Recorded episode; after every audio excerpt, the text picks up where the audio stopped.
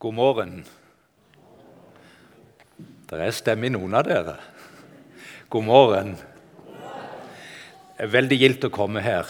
Jeg var her i går kveld på ungdomsgudstjeneste. Veldig fint å være der. Og veldig fint å komme her også i formiddag. Og jeg må jo takke for eh, så gode ord om, eh, om å være i samtale hos meg til dere begge to. Eh, og jeg vil også rose der, for ofte vil vi skjule hvis vi går og søker hjelp i samtale. Men at eh, to ledere her sier at det benytter de seg av sjøl, det er gode forbilder. Så har prisen steget siden du var der sist, Kristoffer Inge. Så hvis dere syns det er blitt for dyrt da etter det han sa 600 kroner, så skal dere kreve oppjustering av han. Nå er det 615.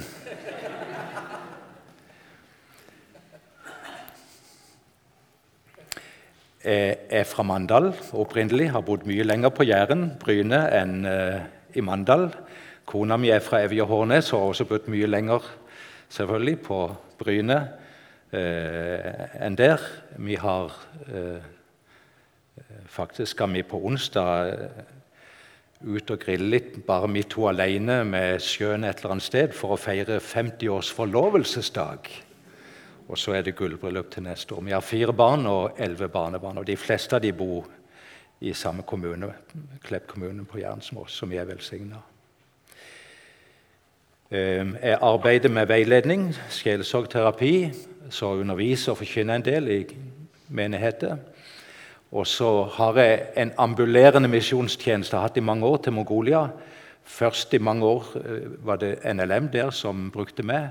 Eh, nå fortsetter å undervise kristne ledere. Eh, bortsett fra i år så er det to ganger i året. La oss be. Kjære Jesus, takk for at uansett om vi fornemmer det eller ikke, så er du til stede her med din gode Hellige Ånd. Åpne våre hjerter for ditt ord for det du vil si til oss. Tal og hjelp oss å lytte. I Jesu navn. Amen. Temaet som allerede er blitt sagt, er miraklene som skjer når vi lytter. Og Vi skal lese en tekst fra første kongebok, kapittel 3, eh, fra vers 5 i Jesu navn. I Gibeon viste Herren seg for Salomo i en drøm om natten. Gud sa, 'Be om hva du vil, jeg skal gi deg det.' Salomo svarte, 'Du har vist stor godhet mot din tjener David, min far.' fordi han vandret for ditt ansikt i troskap og rettferd og hadde et hjerte som var oppriktig mot deg. Du har holdt fast ved din store godhet ved å gi ham en sønn som i dag sitter på hans trone. Nå har du, Herre, min Gud, gjort din tjener til konge etter min far David, enda jeg bare er en ung og uerfaren mann. Her står din tjener midt iblant ditt folk som du har utvalgt, et folk så stort at det ikke kan telles, og så tallrikt at det ikke kan regnes.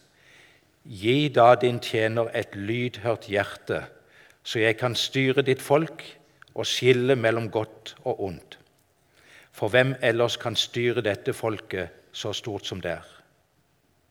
At Salomo svarte dette var godt i Herrens øyne, og Gud sa til ham.: Siden du ba om dette og ikke om et langt liv eller rikdom eller død over dine fiender, men om evne til å høre hva som er rett, så vil jeg gjøre det du har bedt om. Nå gir jeg deg et hjerte som er så klokt og forstandig at din like aldri før har vært og heller ikke skal komme etter deg. Selv det som du ikke ba om, vil jeg gi deg både rikdom og ære. Så lenge du lever, skal det ikke finnes din like blant, blant kongene. Og hvis du vandrer på mine veier og holder mine lover og bud, slik som din far David gjorde, vil jeg gi deg et langt liv. Salomo våknet. Det hadde vært en drøm. Og da han kom til Jerusalem, trådte han fram for Herrens paktkiste.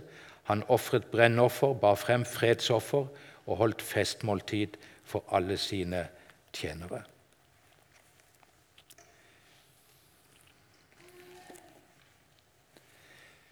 Be om hva du vil, og du skal få det, sier Gud til den unge kong Salomo.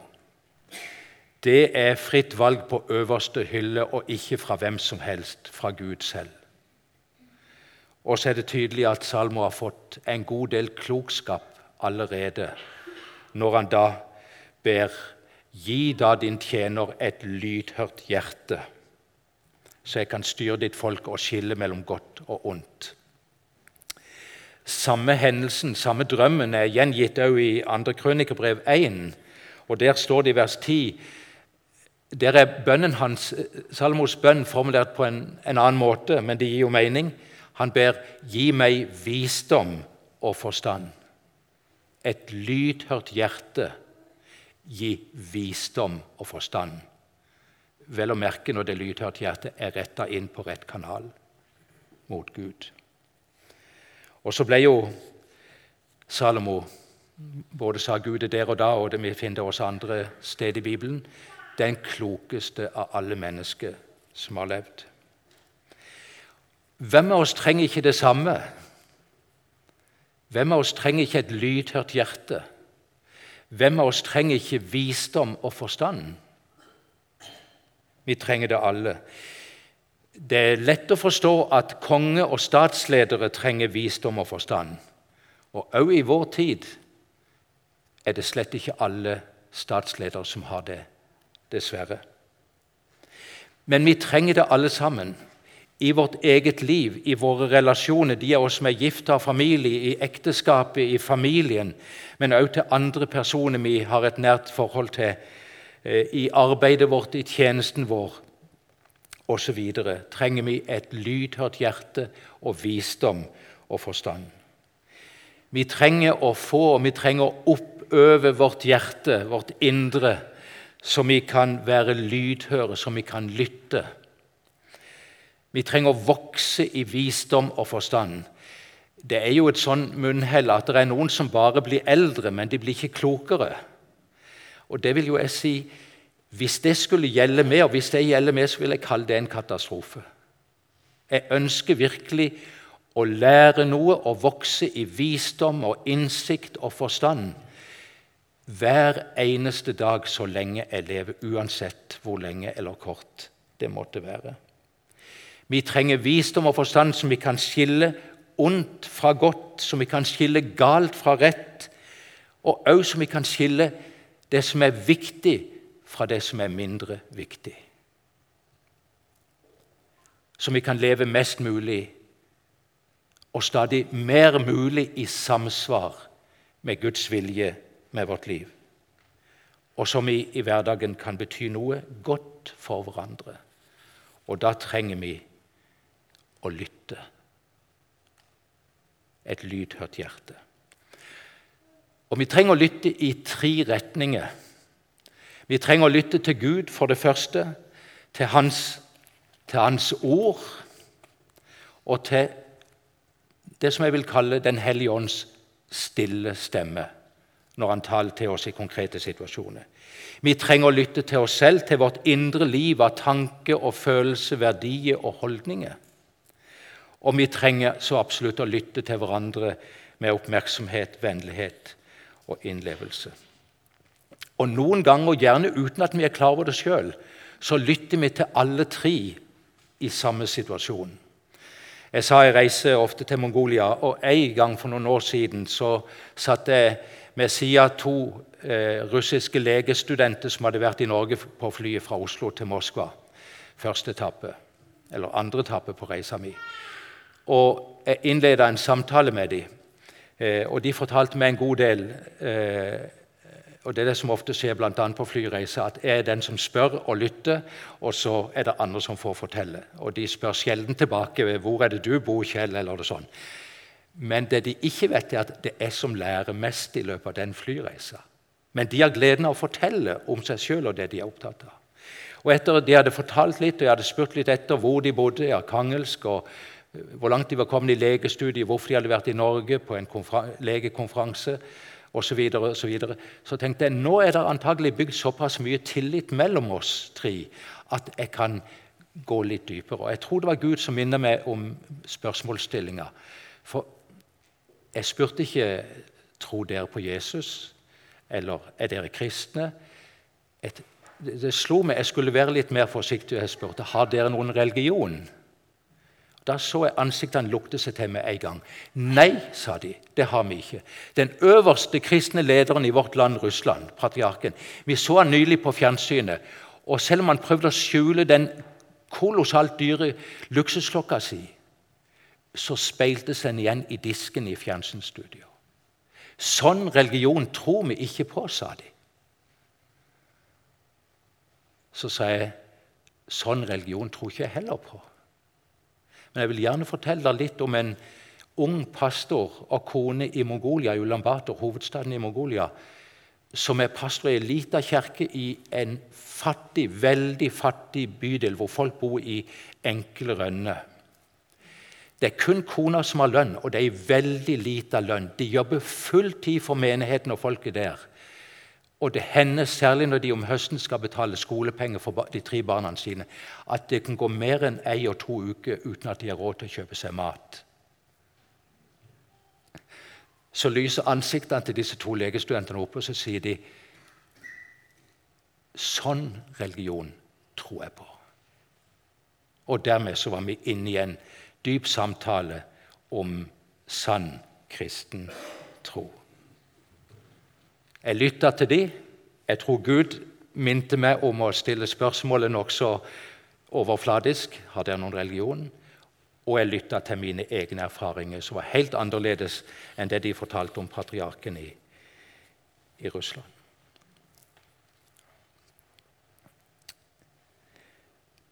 Miraklene som skjer når vi lytter. Det er en ganske voldsom tittel. For mirakel er jo under overnaturlige og guddommelige inngrep av Gud i menneskets liv, som vi leser om ikke minst i Det nye testamentet, når Jesus helbreda syke, drev ut onde ånder, vekte opp døde, og ikke minst når Jesus selv sto opp fra de døde den tredje dagen etter at han hadde blitt drept på korset. Under skjer og kan skje oss i dag. Og ikke minst kan Gud bruke oss til under og mirakler når vi lytte og følge hans stemme i konkrete situasjoner. Det er jeg overbevist om, og mener også å ha erfart det. Men da må vi lytte til Gud om vi skal bli brukt sånn. Eh, men òg, om ikke vi kan kalle det et mirakel eller under, så skjer det ikke så sjelden overraskende viktige og gode ting når vi virkelig lytter på en god måte til hverandre, selv om ikke vi kan kalle det et guddommelig mirakel. Lytte til Gud, til oss selv og til hverandre. La meg si litt først om å lytte til Gud. Ingen er viktigere å lytte til enn Gud. Det er mange gode bøker, og mange dårlige også. Dette er den viktigste boka overhodet som finnes. Bibelen. Guds ord. Jeg tror fullt og fast på det. Jeg forstår ikke absolutt alt. Ikke enda. Blir nok oppdatert i himmelen på det vi ikke forstår. Men jeg tror fullt og fast på Guds ord, både Det gamle og Det nye testamentet. Gud er og har og sier alltid sannheten. Jesus sa jo selv om seg sjøl 'Jeg er veien, sannheten og livet'. Johannes 14, 14,6. Så vi, vi, kan stole på Gud. Er det noen vi kan stole 100% på? Er det noen som er 100% sann og klok, så er det nettopp Gud. Ingen av oss er 100% Det varierer en god del fra person til person, men Gud er 100% Så vi trenger virkelig å lytte og lese Guds ord. Av flere grunner gjør vi det. Eh, vi trenger å ta til oss av Guds ord med at vi hører det, med at vi leser det, med at vi mediterer og tenker på det. Så vi kan øke vår kunnskap om Gud, oss selv, livet, evigheten, frelsen, tjenesten så vi kan øke vår kunnskap om Guds vilje. Vi trenger å lytte til Guds ord. Jeg må innrømme det. Det er ikke alltid jeg lytter virkelig når jeg leser Guds ord. Det hender det går fort. Det gjør det sikkert ikke for dere. Men for meg hender det av og til det går fort. Jeg tenker når jeg har lest det, Fikk jeg egentlig med meg det jeg leste, selv om jeg kjente teksten fra før? Og kanskje nettopp de kjente tekstene kan være der hvor jeg oppdager når jeg har lest ferdig avsnittet, at oi, jeg var ikke mye med. Jeg trenger å lese det en gang til. Og av og til må jeg innrømme jeg var ikke mye med nå heller. Og jeg må lese det en tredje gang, og jeg må si til meg sjøl lytt til det du leser. Eh, og en annen ting som jeg òg tenker et viktig aspekt av det å lese Guds ord og lytte til Guds ord Jo mer vi kjenner av bibeltekster og av Guds ord, jo større register har Den hellige ånd å spille på når han vil minne oss om konkrete bibelord i konkrete situasjoner.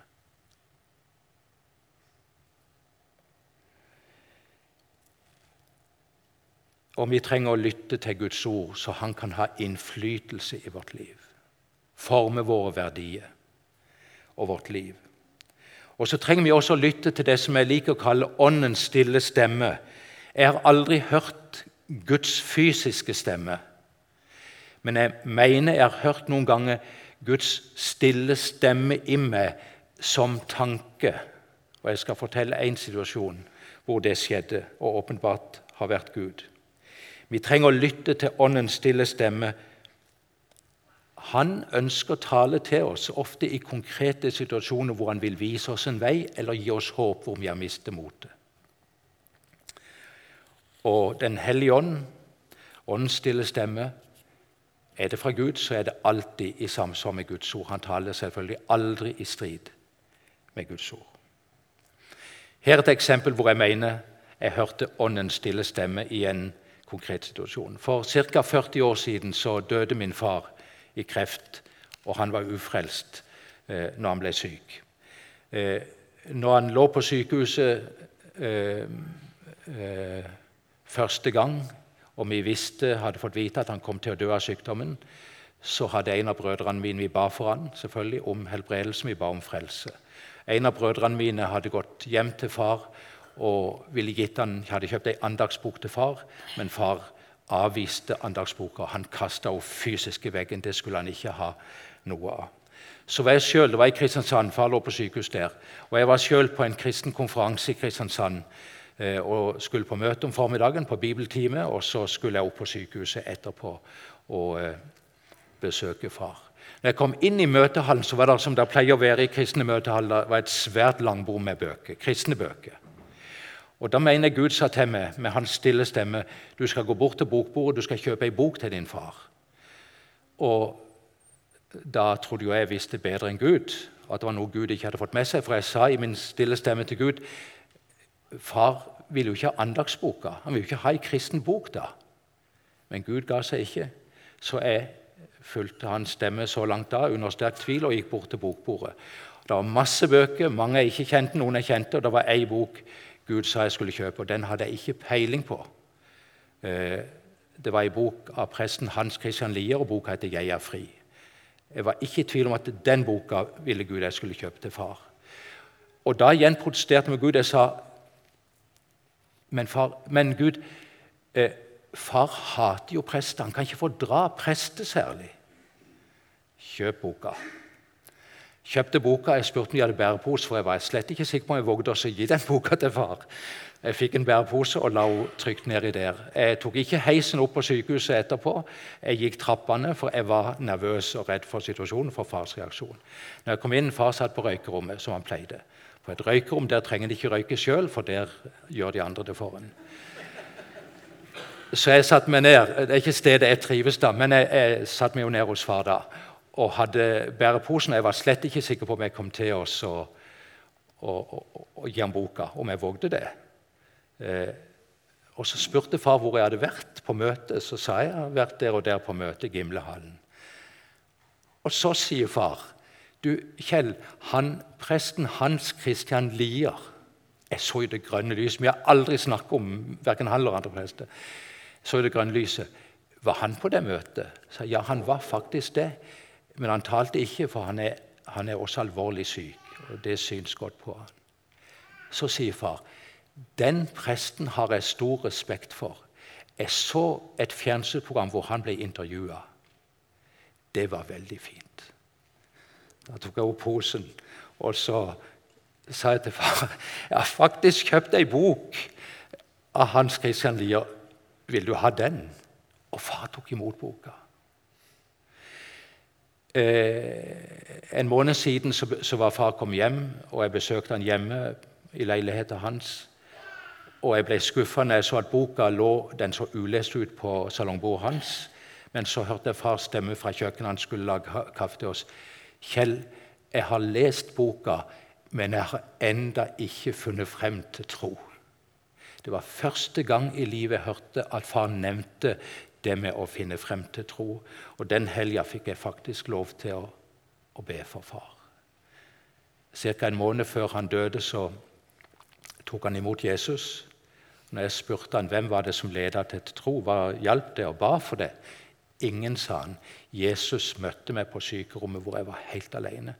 Og jeg ble frelst, og jeg fikk frelsesvisshet. Og så var jeg med hos han noen av de siste dagene før han døde. Han gikk ut og inn av koma. Og En gang han våkna opp igjen, så sier han til meg, 'Kjell, så du den fine, hvite mannen som var her og stelte med meg?' Så sa jeg, 'Det har ikke vært noen hvit mann her i det hele tatt, det har bare vært meg.' Tøys, sa han. Det var en fin, hvit mann som stelte meg så godt. Og så strøyk han meg over hodet, over håret, og så sa han, 'Kom, Alfred, nå skal vi snart gå hjem.' Og to dager etterpå så gikk han hjem til Jesus. Så det er vel verdt å lytte til Gud og la oss lede av Gud. Og Hadde det vist seg at jeg, far ikke overhodet var interessert i boka, og at det, ble eh, like dårlig som i andagsboka som bror min ga, da var det åpenbart jeg sjøl som trodde at Gud minnet meg på det. Men her var det veldig tydelig. Dette var Gud. Ingen andre kjenner hjertene til et annet menneske som Gud gjør. Lytte til oss selv. Gud har skapt oss med et indre liv av tanke og følelse, med minne og verdier og holdninger. Mye av dette er sunt og godt, men vi har alle sammen usunne og vanskelige og smertefulle ting inni oss. Likevel er det å lytte til seg selv, både det behagelige som vi har inni oss av tanker og følelser, og det ubehagelige, det er veldig viktig for å oppdage mer av oss sjøl, og for å glede oss over det gode, og for å ta fatt i det vanskelige og smertefulle. Jeg kom til å tenke på Dette sa jeg ikke i går, jeg hadde samme talen i går. så nå får du noe noe jeg ikke sa i går. Jeg kom til å tenke på i dag morges når jeg satt og var stille og, og forberedte meg på den bortkomne sønnen. Det står at når han metta seg med disse belgene og det som grisene han passet, fikk, så står det da kom han til seg selv. Altså kanskje for første gang i denne katastrofale perioden hvor han gikk vekk fra sin far ødela alt, ikke minst sitt eget liv, og endte opp i en grisebinge. Kanskje første gang begynte han å lytte til seg sjøl. Og hva lytta han til? Jo, han tenkte det står i Lukas 15, han tenkte tjenerne hjemme hos far, leiekarene, de har mat, flott mat hver eneste dag. Mens her spiser jeg det som grisene ikke vil ha. Og da bestemte han seg. Jeg vil gå herfra, og jeg vil gå hjem, og jeg vil spørre far la meg i det minste få lov til å være som en av dine leiekarer. Og vi vet jo åssen han ble tatt imot. Da kom han til seg selv. Da begynte han å lytte til seg selv. Og dere, Ofte er det når vi begynner å virkelig lytte til oss selv, at forandring kan skje når vi innrømmer hvor vi er, hvordan det er, hva som er vondt og vanskelig, hvor vi har tatt feil, hvor vi har forgått oss. og hva vi lengter etter. Guds tilgivelse, Guds hjelp. Det er da virkelig forandring skjer. I sommer skulle jeg slappe av med å lese ei bok av en forfatter jeg liker å lese. Han er en av verdens mest berømte krimforfattere. Han er i tillegg kristen og har vært søndagsskolelærer. John Grisham. Jeg skjønte ikke når jeg leste denne, dette er hans nyere bøker, jeg skjønte ikke hvorfor jeg ikke gleda meg og, og, og slappet av og koste meg med denne krimboka. Jeg, hun var lettlest, i og for seg spennende. Jeg skjønte det ikke før jeg var ferdig med henne og lukka henne igjen og hadde lest den siste sida. Og tenkte hva i all verden var det som gjorde at dette ga meg ingenting? Ikke engang spenninga i historia. Og da oppdaget jeg det. Hovedpersonen de levde så i strid med mine verdier. Hver dag gikk de på bar og drakk. De hadde tilfeldig sex stadig vekk. De banna, de misbrukte Guds navn. Og hovedhistorien var spunnet over åssen eh, de bedro særlig en god del fattige mennesker for penger. Og det som Jeg håpte da, jo lenger ut jeg leste i boka, det var at de blir stilt til rette, de forstår alvoret, de tar et oppgjør med det. Men det gjorde de jo ikke. De slapp unna med det i en by i Afrika. Fra USA til Afrika og flykta unna. Så det som gjorde at jeg var veldig utilfredsstillende med denne boka, var at den skapte en kolossal kollisjon mellom hovedpersonenes verdier og livsstil og beskrivelsen av dem og mine egne verdier. Så jeg lytta uten å være helt klar over det eh, til meg selv. Og så fikk jeg en god idé. La meg bare nevne en parentes. Jeg fikk tak i en del bøker om mongolsk historie. Det gir meg helt annen tilfredsstillelse å lese og lære mer om Mongolia. Det var å lytte til oss selv og lytte til hverandre som den siste delen. da. Jeg er En introvert person lytter mer enn jeg snakker, ofte også privat. Gjerne ikke alltid, men ofte gjør jeg det. Lytter mer enn jeg snakker, og jeg jobber som sjelesorgterapeut. Og da er jobben min som du sa, det er å lytte, det er ikke å prate. Eh, så jeg tror både privat og i arbeid ikke minst, så lytter jeg mye mer enn jeg snakker. Bakdelen kan være at det er mange ting, og da tenker jeg ikke i samtale med, med konfidente, men, men private. Eh, bakdelen kan være at jeg får ikke fortalt alt jeg kunne ha lyst til å si. For som en introvert person så tenker jeg før jeg snakker. Og når jeg er klar til å fortelle noe til det de holder på å snakke om, så er de kommet over til et annet tema. Det skjer stadig vekk. Da er det for seint. Jeg tror jeg har prøvd å trekke det tilbake, men jeg prøver å unngå det. Så jeg skal, når jeg blir skikkelig pensjonist, det er nok lenge til, så skal jeg skrive en bok fortellinger jeg aldri fortalte, og den blir tjukk. Men det er mange fordeler med å lytte.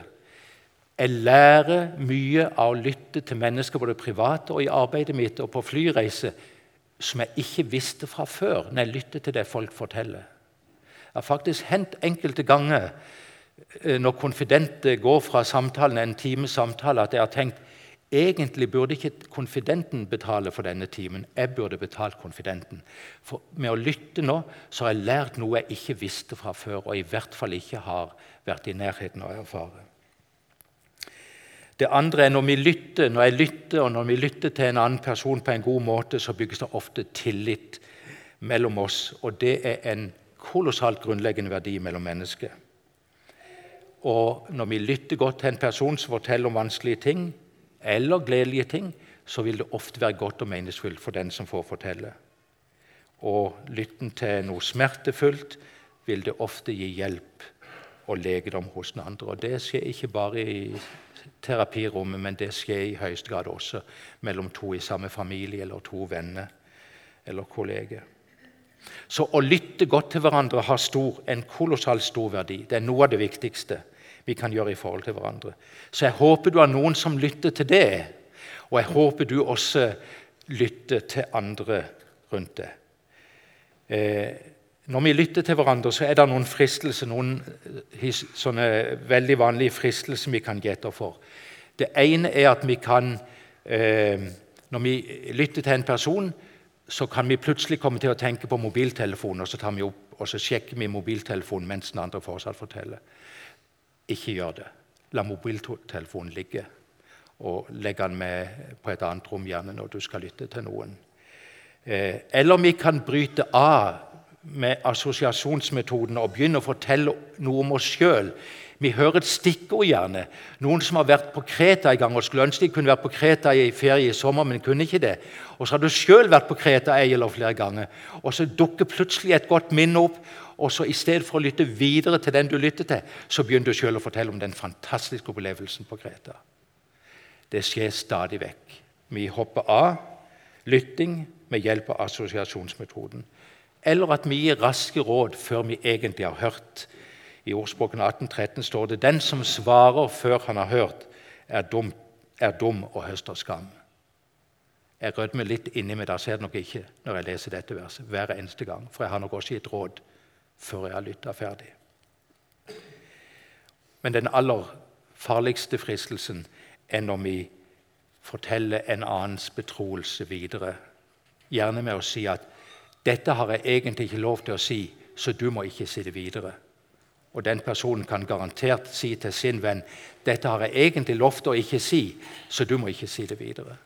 Det må vi ikke gjøre i det hele tatt. I eh, Jakob 1,19 står det et viktig ord om å lytte. Dette må dere vite, mine kjære søsken. Enhver skal være rask til å høre, sent til å tale og sent til å bli sint. Rask til å høre. Tidligere å det snart til å høre.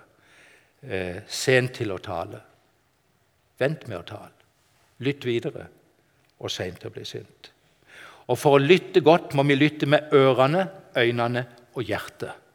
Det er faktisk De tre elementene er inni det kinesiske tegnet for lytting. Jeg kan ikke kinesisk, men jeg har fått tak i det tegnet. Å lytte med ørene sier seg sjøl for å høre det som blir sagt, men mer enn det vi lytter også til stemmekvaliteten, om det er glede eller tristhet eller frustrasjon som kommer, i tillegg til ordene. Vi lytter med øynene, dvs. Si vi gir god øyekontakt. Den er helt grunnleggende hvis vi vil bygge tillit og trygghet og nærhet i samtalen, for å gi behagelig øyekontakt, men også for å se ansiktsuttrykk og kroppsbevegelser og kroppsspråk. For det gi mening, mer mening og forståelse til ordene som den personen sier. Og vi lytter til hjertet. Vi lytter med hjertet for å prøve å forstå det den andre sier. Ikke minst i ekteskapet, i familien og i andre de viktige relasjonene er det viktig å lytte godt til hverandre. For tillit og nærhet, for å gi god omsorg til hverandre og ikke minst for å bygge sunne relasjoner. En gang for noen år siden i Mongolia så underviste jeg eh, hele staben Nei, ikke hele, men en god del av staben de ansatte i NLM i Mongolia. En del av de norske og mange mongolske ansatte. Og Jeg underviste de eh, ei uke om kommunikasjon i byen Hovd, ganske langt vest i Mongolia. Eh, på NLMs eh, kontor og konferansebygg der. Eh, og så En dag underviste jeg om å lytte med empati, med innlevelse. Og Så rekker en, eh, en av de ansatte, en mongoler, rekker opp hånda si og ber om ordet. Og Jeg hadde lagt merke til at veldig, de andre ansatte hadde veldig stor tillit til han. Så alle lytta når han sa til meg Kjell, det med empati og innlevelse det har ikke vi bruk for her. Da trenger de gjerne i, Europa og Norge, men her har vi ikke bruk for det. Vi vil ha svar og råd. Det er det vi er ute etter. Og når han hadde talt ferdig, så klappa alle de mongolske ansatte. Tenkte meg noen sekunder om, så sa jeg takk skal du ha for du var ærlig eh, og sa det du mente. Eh, la oss ta dette, den debatten med oss videre mens jeg underviser. Jeg kommer til å undervise likevel videre om empati. Ja, det sa han. Det var greit. Så underviste jeg videre. Senere på dagen så spurte jeg om en av de kunne komme frem, enten norsk eller mongolsk, og være med meg i et rollespill hvor jeg skulle kun lytte med empati og ikke gi råd eller svar. Og den samme unge mannen rakk opp hånda si og kom frem. Så han satt her på høyre side, jeg satt her, og vi hadde en tolk bak hver. Eh, han snakket mongolsk, jeg snakket engelsk. Så vi trengte tolk. Og han, Jeg sa du må fortelle om et reelt problem du har, som du kan la kollegaene dine høre. Ja, han gjorde det. Og jeg, jeg syntes synd på han når han hadde fortalt en del, for det hørtes vondt ut. Jeg, jeg fikk lyst til å gi ham et råd. Men hvis du hadde gitt råd nå som jeg betaler reisa mi sjøl, da har jeg jo ikke gjort jobben min. Så jeg kunne jo ikke det, så jeg lytta bare, og jeg speilte tilbake i empatiske eh, formuleringer eh, som viste at jeg prøvde å forstå det han sa. Etter en stund ser han trist på meg, og så sier han, 'Kjell, kan du ikke være snill og fortelle meg hva jeg skal gjøre?' Da tenkte jeg lynkjapt oppi her noen sekunder. Og så tror jeg jeg ga et klokt svar. Jeg sa Torgård, du er den som kjenner problemet ditt. Du har levd med det i tid, sånn som du sa. Det er du som kjenner det aller best, bedre enn jeg gjør. Ser du ingen mulig utvei eller ting du kan gjøre? Så ble han stille. Han er også en introvert person. Han var stille og tenkte. Og Så sier han jeg lurer på om jeg kan. Og så fortalte han hva han kunne tenke seg å gjøre. Og Det syntes jeg hørtes klokt ut, så jeg sa det til han, det høres klokt ut. så godt. Hvorfor ikke prøve det?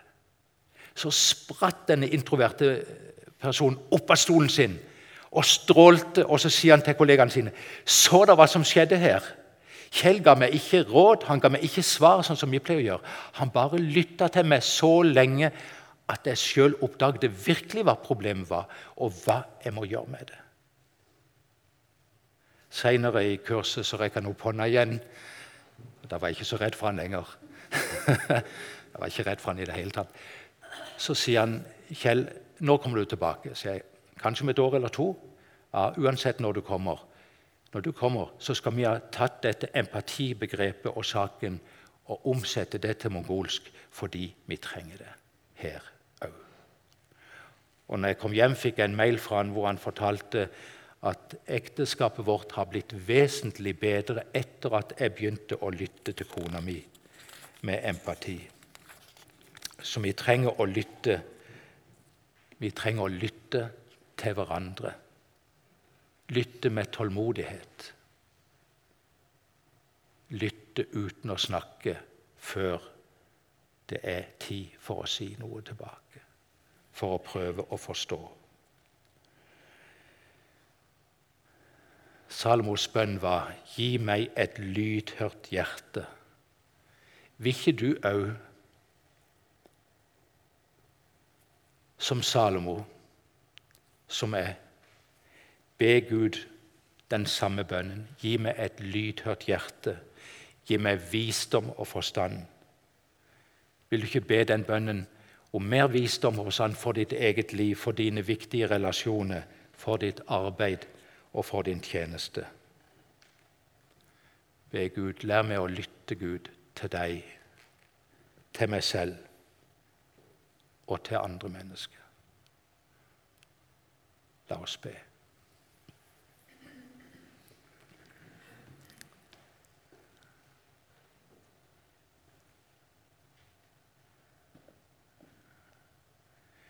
Gode himmelske Far.